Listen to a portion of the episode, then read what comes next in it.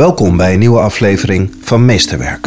Een serie gesprekken over ontwikkelingen binnen het onderwijs. Sprak een vader en die zei: Ja, als mijn kinderen zich in het weekend niet gedragen, dan zeg ik: Je mag op maandag niet naar school. Hij zei: Dat werkt altijd, want ze willen, zo, ze willen liefst in het weekend naar school. Dus In deze aflevering bezoek ik Juliette Schrouwers, de initiatiefneemster van Now School. ik denk dat het reguliere onderwijslandschap er over een paar jaar heel anders uitziet, omdat het zo ontzettend onder druk staat. Dat kan niet anders dan dat dat een keer uit elkaar klapt. Ik hoop op een positieve manier. Now School wil in 2022 de eerste kinderen ontvangen. Ik denk dat kinderen geboren worden connected met de natuur. En dat het onderwijssysteem ons eigenlijk disconnected maakt van alles om ons heen. Want we zijn met alles verbonden. Het regeneratieve stuk zit hem dus heel erg, denk ik, meer bijna in het verbonden blijven. In plaats van achteraf te moeten herstellen. Bij Now School hebben kinderen het volledige eigenaarschap over hun leertraject en alle vrijheid om nieuwsgierig te zijn. De wereld is een klaslokaal en spelen is de hoogste vorm van onderzoek. Now School bereidt niet de kinderen voor op de echte wereld, maar vanaf het begin nemen ze deel aan de echte wereld. Ik denk dat wij samen met heel veel andere initiatieven, hè, want wij zijn natuurlijk niet de enige, dat wij de voorlopers zijn van de onderwijsrevolutie die eraan gaat komen. Waarin leren werkt gaat over in vrijheid jezelf kunnen zijn. Mijn naam is Janja Pubeek en dit is Meesterwerk. Juliette, welkom in de podcast. Dankjewel. Oeh. We zitten aan jouw nieuwe tafel, die, die kantelt heel erg. Ja, ja, een tijdelijke tafel op Schragen. Moeten we, We zitten aan een tijdelijke tafel. Dat is misschien ook wel symbolisch voor de plek waar we nu zijn. Dat- Waar zijn wij? Ja, eh, nou wij zijn in het eh, nieuwe huis wat mijn vriend en ik het afgelopen jaar hebben gebouwd. Eh, wat eh, op een voormalig recreatieterrein was met allemaal chalets. En eh, we hebben daar een oud chalet gekocht en nu een helemaal zelf ontworpen, feng shui-achtig nieuwe ja, duurzame huis gebouwd met ecologische materialen. Omdat ik heel erg geloof dat net zoals je kleding, het moet goed zitten. En zo moet een huis ook zijn. Je moet je er helemaal zen en fijn in voelen. Dus dit is mijn nieuwe sacred space. Nog niet helemaal klaar dus. En dat hebben jullie zelf gebouwd. ja, samen met een aannemer. Eh, maar we hebben ook heel veel zelf gedaan. Het is dus ook nog niet klaar. Dus we, we zitten nog midden in het proces. Maar eh, we wonen er al. Ja, dus welkom. Leuk dat je hier bent. Ja, en ik denk dat dit huis ook iets zegt over jouw perspectief op ons onderwijs. Zeker. Ja, meteen een mooi haakje. Voordat we daar naartoe gaan, even kan jij vertellen wie je bent en misschien kort je achtergrond. Ja, zeker. Ja. Eh, nou, mijn naam is Cecilia Schouwers. Ik eh, ben 34 jaar net geworden, maar ik voel me diep van binnen nog steeds vier jaar. Eh, omdat ik heel speels en onbevangen en open in het leven sta. En eh, heel erg ja, op onderzoek altijd uit wil gaan en, en nieuwe dingen wil leren. Ehm, dus dat, dat heb ik altijd vastgehouden. Alleen dat was in het onderwijssysteem heel moeilijk. Ik eh, kon niet goed meekomen. En dat ja, vertaalde zich eigenlijk op een moment dat ik moest leren lezen en schrijven. Dus vanaf groep drie. En mijn ouders begonnen zich zorgen te maken, want ik kon niet bijblijven. En het was snel duidelijk dat er iets aan de hand was. Dus toen hebben ze mij laten onderzoeken. Ehm, en uiteindelijk bleek dat ik dyslexie had. Dus ik kreeg te horen van ja, degene die mij testte dat ik eigenlijk eh, de rest van mijn leven met een handicap moet leven. Of moest leven. En ehm, ja, dat deed toen heel erg pijn. Want je wil natuurlijk het liefst eigenlijk gewoon, net zoals je vriendjes en vriendinnetjes, eh, die makkelijk door het schoolsysteem gaan, lekker mee kunnen doen. En op sociaal vlak kon ik dat wel. Dus ik had heel veel fijne, ja, lieve vrienden en vriendinnen om me heen. Maar ehm, ja, in het onderwijs zelf vond ik dat heel ingewikkeld. Maar buiten schooltijd eh, mocht ik lekker mezelf zijn. En was ik vrij en kon ik spelen. En was ik altijd aan het ondernemen. Ik had altijd, ik heb echt honderden kinderbedrijfjes gehad. Eh, van schilderlessen die ik gaf eh, op mijn eigen kamer, op de muziekstandaard. Tot spelletjes die ik buiten bedacht. Het was altijd. iedereen keek altijd naar mij zo van Juliette, wat gaan we doen? En, en ik bedacht altijd alles. Dus ik denk dat ik ook een beetje een geboren leider ben. Zo zou je me denk ik wel kunnen omschrijven. Ik durf het voortouw te nemen en nieuwe initiatieven op te werpen en eh, daarin mensen mee te krijgen en in beweging te krijgen. En op het moment dat ik echt ja, zelf mijn studie mocht kiezen, ben ik een creatieve opleiding gaan doen. Eerst MBO en daarna HBO. En dat ondernemerschap bleef. Dus ik ben eigenlijk tijdens mijn studie mijn eerste bedrijf begonnen. Eh, die bestaat nu nog steeds. Ik ben brandingstrateeg. Eh, eigenlijk gericht op ondernemers die echt een impact, positieve impact willen maken in de wereld. En daarnaast ben ik dus uiteindelijk Now School begonnen. Daarvoor zitten we hier. Omdat ik echt geloof dat onderwijs het zaadje van de verandering is die we in de wereld willen zien. En dan ben je zelf door het onderwijssysteem gegaan en je, en je zegt, ik, ik paste misschien niet. Ja, Wat heeft dat dyslexie daarbij gebracht? Goeie vraag. Nou, eigenlijk op het moment dat ik dus te horen kreeg, je hebt dyslexie en zij het presenteerde als je hebt een handicap en daar moet je mee leren leven in het onderwijssysteem. En daar kreeg ik natuurlijk ook allerlei begeleiding in. Niet alleen thuis van mijn ouders, waar ik zo ontzettend dankbaar voor ben, maar ook op school. Maar ik heb het ook altijd gezien dat ik het creatieve ervoor terugkreeg. Dat dat stuk juist heel erg ontwikkeld was bij mij. En dat heb ik ook geprobeerd onbewust, hè, perspectief te voeden in mezelf. Om dat vast te blijven houden. Om, om ja, gewoon continu bezig te blijven buitenschool met wat ik echt leuk vond. Ik ben heel dankbaar eigenlijk dat ik dyslexie heb. Ik denk ook, ik denk eigenlijk dat het allemaal symptomen zijn van hoe het onderwijssysteem is. Dat kinderen deze stempeltjes krijgen. Want als het onderwijssysteem veel holistischer zou zijn en veel meer als een gezond ecosysteem zou bestaan, dan zouden dit soort stempeltjes denk ik niet eens bestaan. Dan ben je er gewoon en zo ben je. Precies, precies, ja. En dat maakt jou uniek en dat is wat er gevoed mag worden. Ja, en, en dat is denk ik ook een beetje waar bij mij het eerste zaadje is geplant. Is dat ik steeds vaker merkte in de samenwerking met ondernemers dat ze heel graag willen, maar geen idee hebben hoe. Omdat ze nou een bepaalde programmering hebben vanuit het onderwijs. En bij mij kwam dus elke keer ook uh, ja, naar boven van dat begint dus ook op school. Deze ondernemers die we nu vandaag de dag in de wereld hebben. Ja, er groeit een hele generatie achteraan op, die uiteindelijk ook de ondernemers zijn en de mensen in de bedrijven. Dus als deze mensen nu niet weten hoe ze het moeten doen, ja, ik kan ze erin begeleiden. En dat zal ongetwijfeld een impact maken. Maar de echte grote impact, die zit natuurlijk gewoon bij de bron, bij hoe we vanaf jongs af aan leren hoe we in het leven willen staan. Hoe is het gesteld met de branding van het onderwijs? Hoe ondernemend is het onderwijs? Daar even mee te beginnen helemaal niet, denk ik. Ik denk dat het onderwijssysteem zit eigenlijk heel erg vast en is helemaal niet ondernemend. Want voor mij staat ondernemen en ik ben het nu, ik ben het al mijn hele leven, dus dat staat voor mij voor wendbaar en weerbaar zijn. Nieuwe dingen durven proberen, experimenteren, je open blijven stellen, kijken naar de wereld, wat speelt er. Uh, dat proberen te vertalen naar de binnenwereld en daar weer handen en voeten aan te geven in de buitenwereld. Ja, ook het onderwijssysteem heeft nooit geleerd zichzelf te branden. Dus ja, kan, kunnen we ook niet verwachten.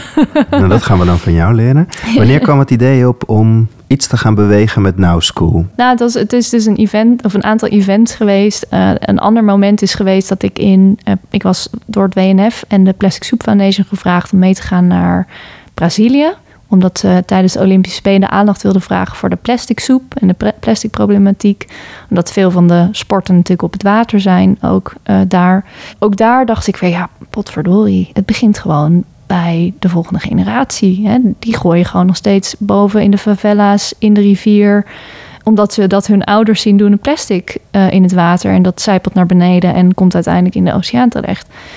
Uh, dus ik was daar heel erg al activistisch, uh, positief activistisch, probeerde ik mijn stem te laten horen in dat project. Nou, dat landde uiteindelijk niet. Dus ik dacht, nou oké, oké, nou het komt uiteindelijk wel.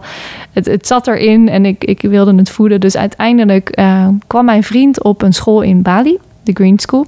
En die zei, Jules, dit is echt iets voor jou. En wij waren van plan om daar naartoe te gaan, uh, naar Bali. Dus uh, ik nou, opperde dat ik die school wel wilde bezoeken.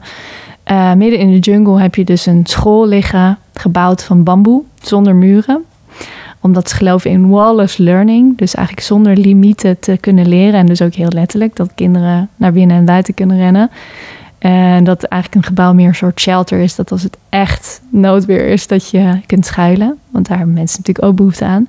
En een centrale plek waar je kunt aarden en als community samen kunt zijn. Dus wij, wij hebben daar een hele mooie rondleiding gehad. En eigenlijk al bij aankomst, uh, want het klaslokaal, of muziekklaslokaal zat aan de rand van de school, eigenlijk bij de parkeerplekken.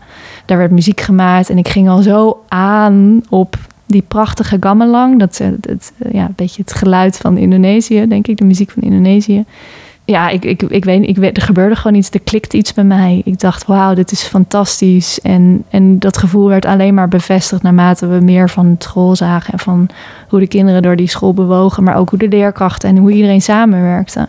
Dat ik een hele heftige, sterke commitment met mezelf heb gemaakt van wat er ook gebeurt, ik wil dit in Nederland gaan opzetten. Dit is waarom ik hier op aarde ben.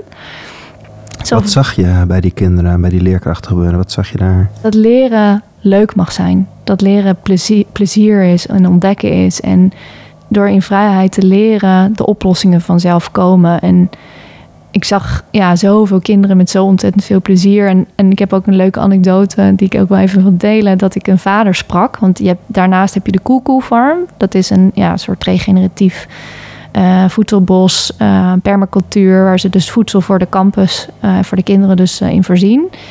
En we hadden een lunch uh, als afsluiter. En ik sprak een vader en die zei: Ja, als mijn kinderen zich in het weekend niet gedragen, dan zeg ik: Je mag op maandag niet naar school.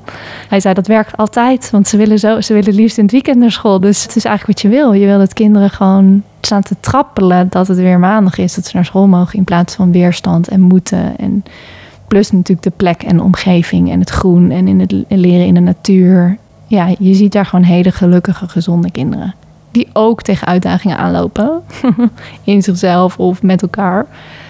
Maar op een hele andere manier mee om wordt te gaan. Ja. Je, je, gebruikt voor een dyslect een moeilijk woord. Oh. Regeneratief. Ja. Dat komt volgens mij zometeen ook nog wel een paar keer terug in je verhaal. Kan je even vertellen wat, wat jij eronder verstaat en, en wat de relatie is met onderwijs? Ja.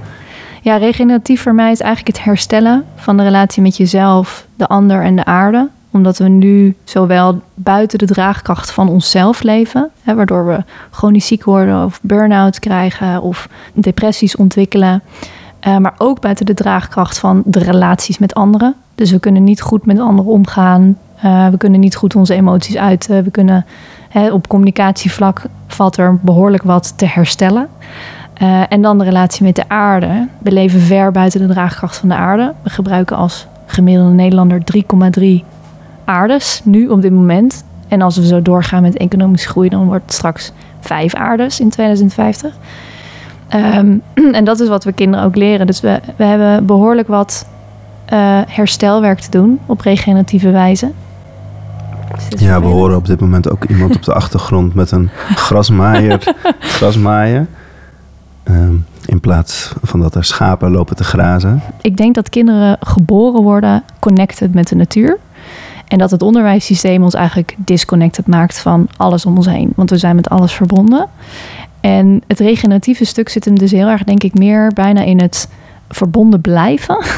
In plaats van achteraf te moeten herstellen. Net zoals met gezondheid. Je wilt liever preventief ervoor zorgen dat we goed voor onszelf zorgen, goed voor onze binnenwereld zorgen, zonder dat we dat achteraf allemaal moeten gaan herstellen. Maar ik denk wel dat we een behoorlijke uitdaging hebben om eerst zo'n stap te zetten met z'n allen. En laten zien dat het kan en dat dat herstelproces mogelijk is. Uh, maar wel tegelijkertijd de kinderen die binnen Now School een plek krijgen, uh, die instromen, uh, niet die relatie met zichzelf, de ander en de aarde verliezen. Want die zijn al verbonden. Um, dus ik denk dat het regeneratieve gedeelte vooral heel erg op het stuk zit van volwassenen omdat ik zie dat het onderwijssysteem nog steeds heel erg vanuit de industriële revolutie ja, eigenlijk ontwikkeld is op basis van angst omdat we niet willen dat we weer in oorlogen terechtkomen of in armoede of in hongersnood.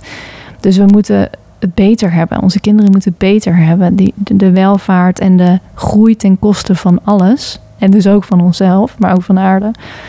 Die blijft voorop staan, gevoed vanuit een angst, zonder dat we dat doorhebben. Want waar komt de naam vandaan, nou school? Het tweeledig. Aan de ene kant dat we in het nu, meer in het nu moeten leven. We zijn altijd bezig met het verleden of met de toekomst. Waardoor we niet in het nu kunnen genieten, niet in vrijheid eigenlijk kunnen leven, omdat we gevangen zitten tussen het een of het ander. En aan de andere kant ook wel een klein beetje vanuit de urgentie, dat nu de tijd is om dingen te ondernemen en actie, ja, actie de taxi, om gewoon dingen te gaan doen met elkaar, zonder dat we nog weten hoe het exact gaat worden in de toekomst of wat voor een verleden dat weer gaat creëren. Ja, en, en er is ook nog wel eens iemand die heeft gezegd ehm, nature of wonder. En dat vond ik ook wel een hele mooie samenvatting, maar die hebben we niet in de branding helemaal verweven of zo. Nee, ja. Dus hij heeft wel meerdere lagen van betekenis. Als jij vanuit Now School vertelt waarom ga je die school starten, waartoe dient jouw onderwijs? Ja. Wat zou je antwoord op die vraag ja. zijn? Ja, ik denk dus dat we ervoor moeten zorgen dat wij onderdeel blijven van de natuur. Dat zou mijn doel zijn, even in het heel kort van Now School. Zodat we dus leren leven binnen de draagkracht van wat er is. Zonder dat we onze potenties niet mogen benutten. Of onze innerlijke talenten niet mogen benutten. Of dat die niet tot uiting mogen komen. Maar dat we dus veel bewuster omgaan met, ja, met, met hoe alles zich tot elkaar verhoudt. Zodat er een gezonde balans ontstaat. Maar ook dat we kunnen floreren. En dan maak ik even een vergelijking met een boom. Een boom blijft niet eeuwig groeien. Die stopt op een gegeven moment met groeien en dan heeft hij cycluses. De vier seizoenen. wat we nu doen op dit moment in het onderwijssysteem is continu blijven pushen op die groei. Terwijl ons lijf groeit ook niet door. die gaat op een gegeven moment eigenlijk gewoon weer aftakelen. Want als we blijven groeien, dan ontwikkelen bijvoorbeeld kankercellen in ons lijf.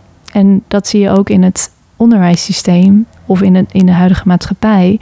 Dat willen we voorkomen. We willen denk ik ja, dat we in, in harmonie met de natuur leven. Dat we onderdeel zijn van de natuur in plaats van onszelf daarboven stellen. Want we hebben uiteindelijk onderaan de streep, hoe simpel het ook is, de natuur nodig om te leven. En in plaats van de natuur te verarmen, denk ik dat we de natuur met elkaar moeten verrijken. En dan niet alleen buiten onszelf, maar ook in onszelf. En wat is dan de rol van een school daarin? Of? Ja, ja, ik zie Now School vormen als een co-learning space. Zo noemen we het eigenlijk al heel lang. Echt een plek waar je met elkaar leert. Uh, maar ook je individuele reis hebt natuurlijk. En door het als co-learning space in de wereld te zetten, willen we ook eigenlijk laten zien dat je niet alleen als kind leert, maar dat we dus ook van de volwassenen, dus de leerkrachten, de ouders, de openoma's, misschien de lokale ondernemers, uh, die betrokken zijn bij Now School en hoe we dat willen inrichten, dat die ook blijven leren. Dus dat die ook open blijven staan om wendbaar en weerbaar te blijven, naar zichzelf te kijken, te blijven ontwikkelen en ook eigenlijk die reis aan te gaan, die we, ja, we echt een plek zijn waar we als community bijna aan iets groters werken dan onszelf. Dat we zien, we, zijn, we, we behoren ook echt tot iets groters dan onszelf. Dat jouw pad en jouw eigen ontwikkeling en het vinden van jouw purpose daarin een heel belangrijk aspect is, is het net zo belangrijk dat je begrijpt dat je gedragen wordt door een groep mensen en dat ze er voor je zijn en dat ze je op dat gebied willen stimuleren en ontwikkelen. Plus de omgeving. Dus nu op dit moment, en daar hadden we het vlak voor de podcast kort natuurlijk al even over, zie je dat als je een reguliere school wil starten, dan word je eigenlijk vanuit de gemeente een plek aangewezen. Dus je komt dan snel in een betonnen gebouw terecht. En wij willen ook een verrijkende leeromgeving. Dat betekent dat we een plek zochten die echt in het groen ligt.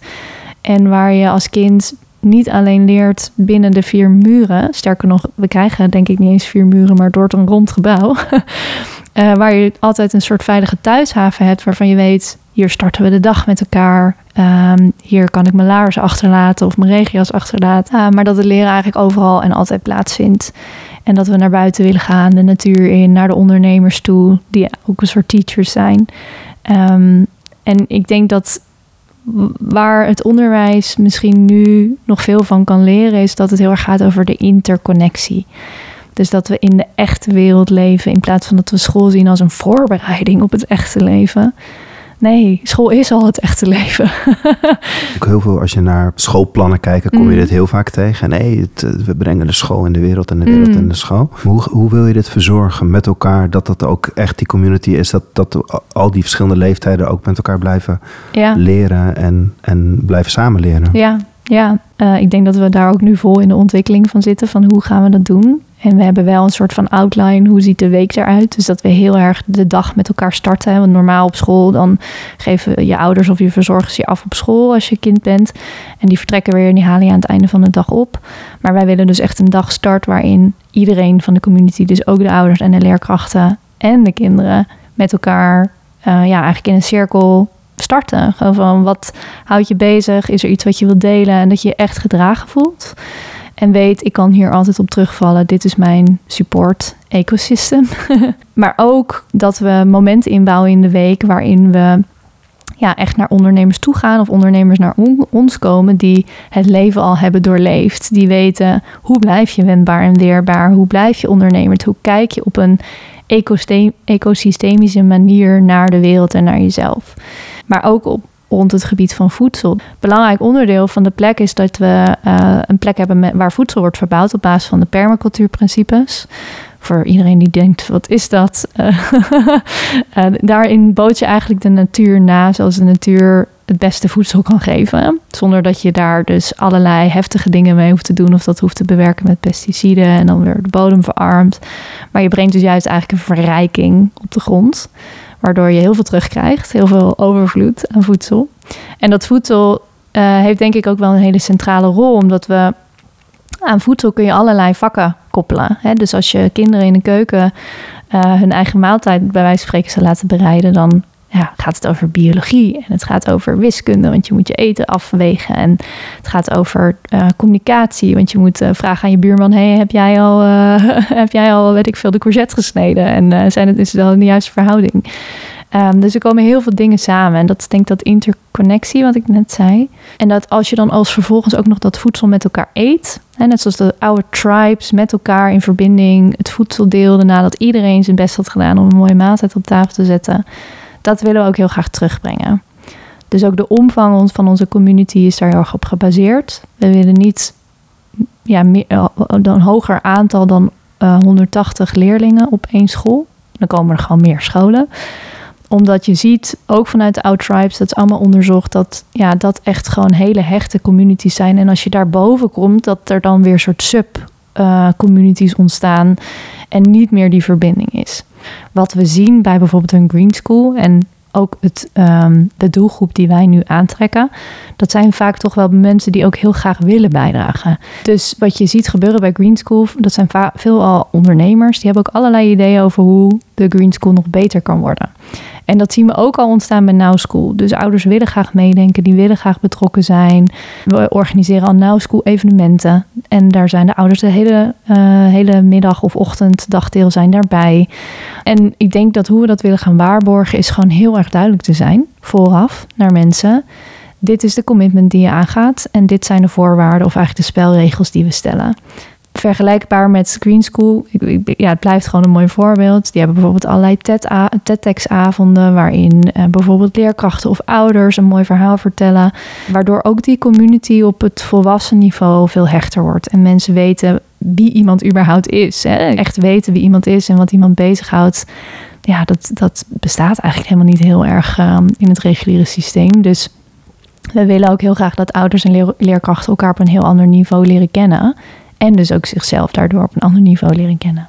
En om dat bij elkaar te krijgen, eh, heb je dan ook een heel divers team nodig van mensen die dat met elkaar verzorgen. Ja, en ik wil dus ook dat ons team op die manier gaat groeien. Dus dat we zeker in de beginfase vooral heel veel ondernemers hebben, omdat je ook nog heel erg aan het pionieren bent. Je bent heel erg aan het proberen en er gaan nog allerlei dingen op ons pad komen en uitdagingen die je ook aan moet kunnen als team. En ondernemers die zijn over het algemeen mensen die durven risico's te nemen. Dus die kunnen die uitdagingen ook, die kunnen daar gewoon makkelijker op schakelen en pivoten, zoals ze dat mooi noemen. Hè? Dus weer ja, wendbaar en weerbaar blijven. Ehm, maar op een gegeven moment zullen we natuurlijk ook ja, de, de onder, het onderwijsvisiestuk inhoudelijk en in de praktijk moeten gaan brengen. En ik denk dat we daar ook in het begin echt de ondernemende visionairs in nodig hebben die dat, um, die dat handen en voeten gaan geven. En die zitten dus nu ook al langzaam aankomen, die sluiten die zich aan bij het team. En tot slot denk ik dat, en dat zie je dus ook bij Green School gebeuren, wat ik net kort al even zei, is dat veel ouders veel ideeën hebben. En dus ook vaak zelf het initiatief nemen, omdat er veel ondernemers tussen zitten. Dus die zeggen, yo, ik wil eigenlijk wel heel graag een TEDx-avond organiseren. Want ik weet vijf ouders die een super mooi verhaal hebben. Die heel inspirerend zijn voor de hele community. Dus je, we willen eigenlijk ook die initiatieven gaan voeden in de community. En je zegt net van, wil je een reguliere school starten, dan heb je zoveel leerlingen nodig. En wij, mhm. ons aantal ligt daar ver onder. Hè? Mhm, ja. Jij zegt, we, met 180 zijn wij een gezonde samenleving, een gezonde tribe. Hoe kan je dit mooie idealisme en naar de wereld kijken ook, ook duurzaam verankeren, dat het ook weet te bestaan? Ja, dus, eigenlijk wat hoort ons businessmodel. Ja. en hebben we heel lang op de wip gezeten van gaan we voor regulier of privé. Uh, nou, ik noemde net al twee redenen die jij nu net ook weer aankaart. Dus en de locatie uh, plus het aantal leerlingen, die voor ons eigenlijk al afvielen om voor regulier te kiezen. Dus we gaan gewoon beginnen als een privéschool. Uh, en daar hangt dan ook een prijskaartje aan. Dus we zijn nu heel druk bezig met alle berekeningen. Wat gaat het kosten? Hoe kunnen we er eventueel BSO aan koppelen, waardoor het weer voordeliger wordt voor ouders? dat dat gewoon in elkaar overloopt. Um, en ook dat we die BSO misschien met elkaar organiseren, waardoor jij als ouder weer wat minder betaalt. Maar we zien gewoon in het begin dat we de ondernemende route moeten kiezen om het uiteindelijk misschien zelfs wel in het reguliere onderwijs te krijgen. Ik denk dat het reguliere onderwijslandschap er over een paar jaar heel anders uitziet, omdat het zo ontzettend onder druk staat. Dat kan niet anders dan dat dat een keer uit elkaar klapt. Ik hoop op een positieve manier, maar ja, we zullen daar denk ik nog wel een soort rock bottom gaan bereiken. En, eh, en daar heel veel van leren. En dan zien, oké, dit moet echt anders. Het is niet zo dat we vol koersen op, we moeten binnen vijf jaar in het reguliere systeem. Want dat ziet er, dat ziet er gewoon anders uit. Dat, daar ben ik van overtuigd.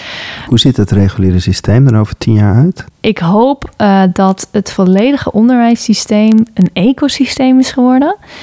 Uh, wat bijdraagt aan een regeneratieve samenleving. In het heel kort. Dat gaan wij voorleven. Dus we, we geloven echt, en dat heb ik ook in het hele proces gemerkt. Dus misschien even meer mijn persoonlijke stuk hierin. Ik ben hier dus drie jaar mee bezig. En ik merkte dat ik in het begin, mensen snapten het, mensen haakten aan, maar tot op een zekere hoogte. Totdat ik plaatjes erbij creëerde. Dus ik heb allerlei visuals laten maken om echt te laten zien hoe zie ik het nou voor me. En toen pas begrepen mensen het echt. Maar nu loop je natuurlijk weer tegen de volgende soort van ja, plafond aan.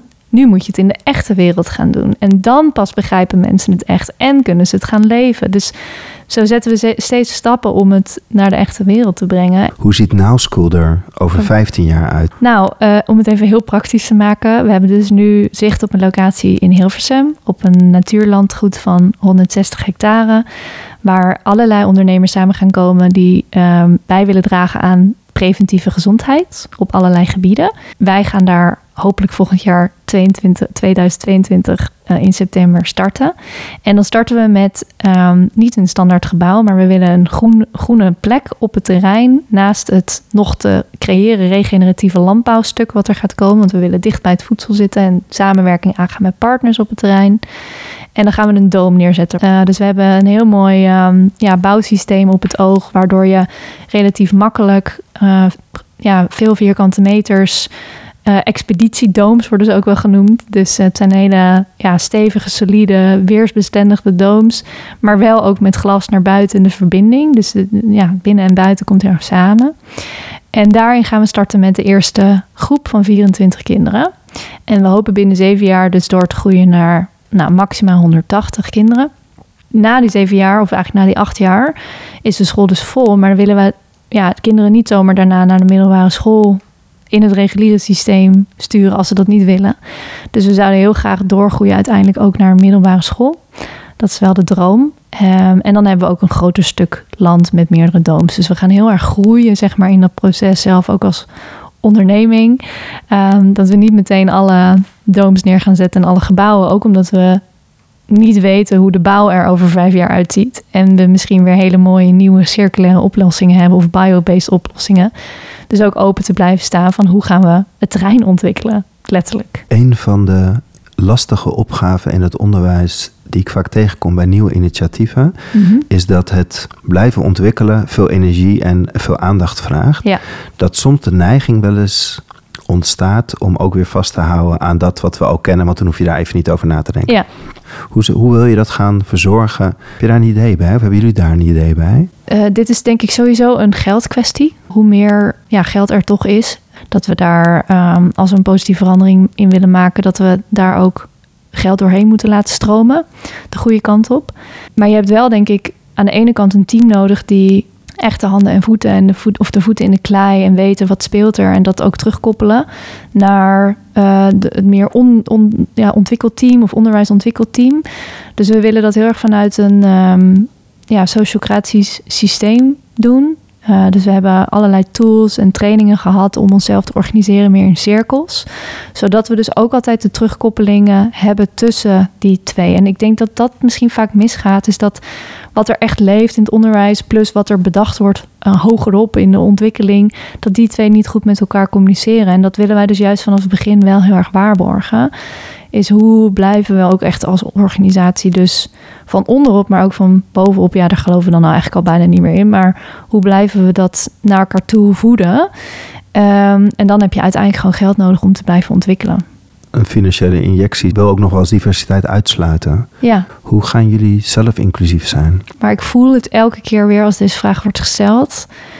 Dat ik zo graag zou willen dat deze school er gewoon vanaf dag één voor iedereen is.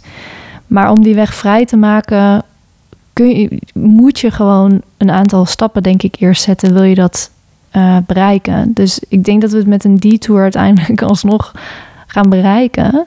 En wat ik merk is dat dat er toch een bepaalde groep is die hierop afkomt, nu op dit moment. Dus hoe hard wij er ook aan trekken, want dat proberen we ook door het middel van de evenementen hè, die ik net al noemde, wat eigenlijk een beetje onze ja, mini-versie van Now School, maar dan inclusief, omdat het gewoon heel laagdrempelig en heel weinig kost, is denk ik dat dat tijd nodig heeft. Dus ik denk dat wij, doordat de early adapters nu bij ons aankloppen, ik wil mijn kind heel graag op Now School, uh, de weg vrij gaan maken voor uiteindelijk een veel ja, inclusievere groep. En we hebben allerlei ideeën over hoe we dat kunnen doen. Dus we zijn ook nu al bezig met hoe kunnen we bijvoorbeeld scholarships organiseren, zodat we in het eerste jaar bijvoorbeeld tien kinderen een scholarship kunnen uh, geven op basis van donaties. Dus dat soort ideeën hebben we heel veel. We hebben ook heel veel ideeën voor andere businessmodellen, financiële stromen die in Now School zouden kunnen ontstaan. Uh, de eerste stap is gewoon de school starten. En er vertrouwen in hebben dat wij als team heel veel ideeën hebben om het uiteindelijk inclusief te maken. Want wat voor mensen komen er nu op jullie af? Je zegt het is een bepaalde groep die echt nu op ons afkomt ja, zelf. Wat, ja. wat kan je die groep, wat zijn de overeenkomstigheden? Ja, als, ik een soort, uh, ja, als ik een soort persona moet omschrijven, dan is dat denk ik toch wel de, de hoogopgeleide witte Nederlander. Ja, met uh, twee kinderen, twee verdieners, drukke baan, maar wel bewustzijn en voelen en zien het moet anders. Ik zie gewoon geen optie in het reguliere systeem. Uh, ik gun mijn kind iets anders. Uh, iets bewuster en, en vanuit duurzaamheid gedacht. Ja. Nou ben je een branding uh, expert. dus hoe ga je dan zo meteen jouw Now School branden? Ja. Dat je ook toegankelijk bent voor andere culturele achtergronden, Ja. ook de andere religieuze achtergronden. Of hoe ga je het zo'n aandacht geven dat je ook echt de kwalificatie leert? Ja, wat er vaak gebeurt bij ons, laat ik even een klein brugje maken, is naar dat ouders vragen aan ons van ja, hoe, maken jullie dan de koppeling straks tussen dat mijn kind van Now School komt en bijvoorbeeld naar de middelbare school kan, of als er een middelbare school is, naar de universiteit of naar een andere opleiding. En ik vind dat überhaupt een hele interessante vraag, want ik denk dat we um, dan heel erg vanuit een oud patroon kijken naar hoe de schoolroute van een kind moet zijn. We weten sowieso nog niet wat voor banen er allemaal gaan ontstaan de komende jaren. Ik denk dat heel veel van de banen zelf gecreëerd gaan worden, omdat ja, de volgende generatie opgroeit met nieuwe ideeën en nieuwe ja, ondernemerstools en, en het gevoel hebben dat ze daar iets anders in kunnen betekenen of combinaties ontstaan tussen beroepen die we kennen. Dus ik vraag me eigenlijk af of dat wel de goede vraag is. nou, dan laat ik hem anders stellen. Ik, ik ben nu bezig met uh, onderzoek naar diversiteit en inclusie in het vrije Ja. schoolonderwijs. Die kijken ook heel holistisch naar de ontwikkeling van kinderen. En wat ik dan van leerlingen die op die scholen zitten hoor, Mm. die zeggen wij missen diversiteit. Buiten de scholen komen die diversiteit tegen, maar Ja. in die scholen niet. We Ja. zitten een beetje in een bubbel. Dus hoe verzorg je dan dat je ook in die veranderende maatschappij, waarin ook verandering van, van samenstelling van de Mhm. maatschappij zit, dat je daarmee leert omgaan? Ja, ik denk dat we dat ook heel erg in de dagelijkse praktijk eh, op een ondernemende manier willen aanpakken. Dus als we het bijvoorbeeld niet vanaf het begin in de school krijgen, doordat de prijs een bepaalde prijs is en mensen dat er niet voor over hebben of niet kunnen betalen, of welke reden er ook is, dat we het dan zelf gaan opzoeken. En een beetje wat ik net al in het begin ook noemde, is dat we willen het liefst ehm, overal en altijd dat leren laten ontstaan dat we dan dus bijvoorbeeld naar andere scholen gaan of naar andere wijken of naar andere communities en daar met elkaar leren of projecten oppakken in het echte leven. Waardoor we die inclusiviteit op die manier proberen te waarborgen. Dus zo zijn we bijvoorbeeld begonnen met de Now School evenementen. Dus wat we doen is we hebben een kwartaalthema en aan dat kwartaal hangen we drie evenementen, dus eentje per maand die over dat thema gaan. En dat proberen we dus juist heel inclusief te maken. Dus we proberen echt uit, uit allerlei verschillende gebieden van Nederland mensen aan te trekken die naar die evenementen komen om ze te laten proeven van Now School. En dat gaan we ook voortzetten als de school er is. Zodat het dus eigenlijk gewoon heel toegankelijk en heel inclusief kan worden. Kan je even vertellen wat jullie nu doen en dan misschien een mooi voorbeeld geven en misschien Ja. ook aangeven wat het oplevert? ook? Ja, ja. Nou, ik denk dat het heel belangrijk is, die evenementen, omdat je heel erg ook voor de soort van routing op een locatie, waar je de community wil bouwen, dat het heel belangrijk is dat je daar dan ook die, die, ja, die eerste soort van proefdagen laat plaatsvinden. En er zijn er nu weer twee geweest na de zomervakantie. En de laatste die ging heel erg over in verbinding komen met de natuur. Dus was de hele dag buiten en er werd allerlei muziek gemaakt. En je kon een soort praatstok maken. Dus we hadden takken en die mocht je zelf gaan versieren. Om, om, om jezelf en je eigen stem zeg maar kracht bij te zetten. En wat je ziet is dat ouders in gesprek kunnen gaan met Now School. Echt in gesprek kunnen gaan in plaats van online en via onze social media kanalen en uh, interviews of podcasts uh, die we nu aan het opnemen zijn. Maar dat ze echt kunnen ervaren, ja, hoe, hoe zou zo'n dag er nou uit kunnen zien? Wat is ook mijn rol als ouder? Uh, hoe beleef ik dat? Wat voor andere mensen komen erop af? En natuurlijk ook voor de kinderen om het kind te zien. Hoe, hoe, ja, hoe beleeft een kind zo'n dag? Hoe gaat hij naar huis? En we zien dat dus dat dat heel positief is. Dat mensen het echt super fijn vinden om sowieso na een hele lange tijd niet zo heel veel verbinding in de echte wereld weer bij elkaar te kunnen zijn buiten. Dat doet mensen heel erg goed. Um, maar ook om een beeld dus te krijgen van hoe gaat nou school er straks in het echt uitzien. Of als ik het niet kan betalen, dat dit dan voor mij de manier is om toch van de now school filosofie ja, iets mee te krijgen en daar een bij te kunnen dragen. Beweging en blijven ontwikkelen is een beetje een doorlopende lijn in jouw verhaal, ook bij jezelf. Hoe hoop je zelf te blijven bewegen en jezelf te blijven ontwikkelen? Ja, wat mij heel erg helpt is heel duidelijk weten wie je bent en waarvoor je staat. En dat komt natuurlijk ook vanuit mijn branding, dat ik zelf altijd intern aan mijn knoppen aan het draaien ben. Waar gaat het nou eigenlijk over? En op het moment dat je dat weet van jezelf, dan ben je eigenlijk gewoon een, een heel, sta je heel stevig in het leven. Betekent niet dat je niet wendbaar en weerbaar blijft, want je bent een boom en je takken bewegen en je laat je blaadjes los. En je groeit vervolgens weer nieuwe blaadjes aan je boom. Maar je bent wel geankerd op een bepaalde manier. Dus ik heb ook heel vaak de vraag gekregen in het begin: waarom ga je niet in het reguliere systeem iets proberen, een mooi curriculum te ontwikkelen of een onderwijspakket aanbieden? Dat is niet de impact die ik probeer te maken. Ik denk namelijk niet dat we daarmee gaan redden. Ik denk dat we groter moeten durven denken en uh, onrealistische ideeën moeten hebben. Want als we onszelf alleen maar in hele realistische ideeën voegen, die heel haalbaar zijn, dan dagen we onszelf eigenlijk helemaal niet uit om echte verandering in de wereld te brengen. Want hoe zou je de impact willen omschrijven?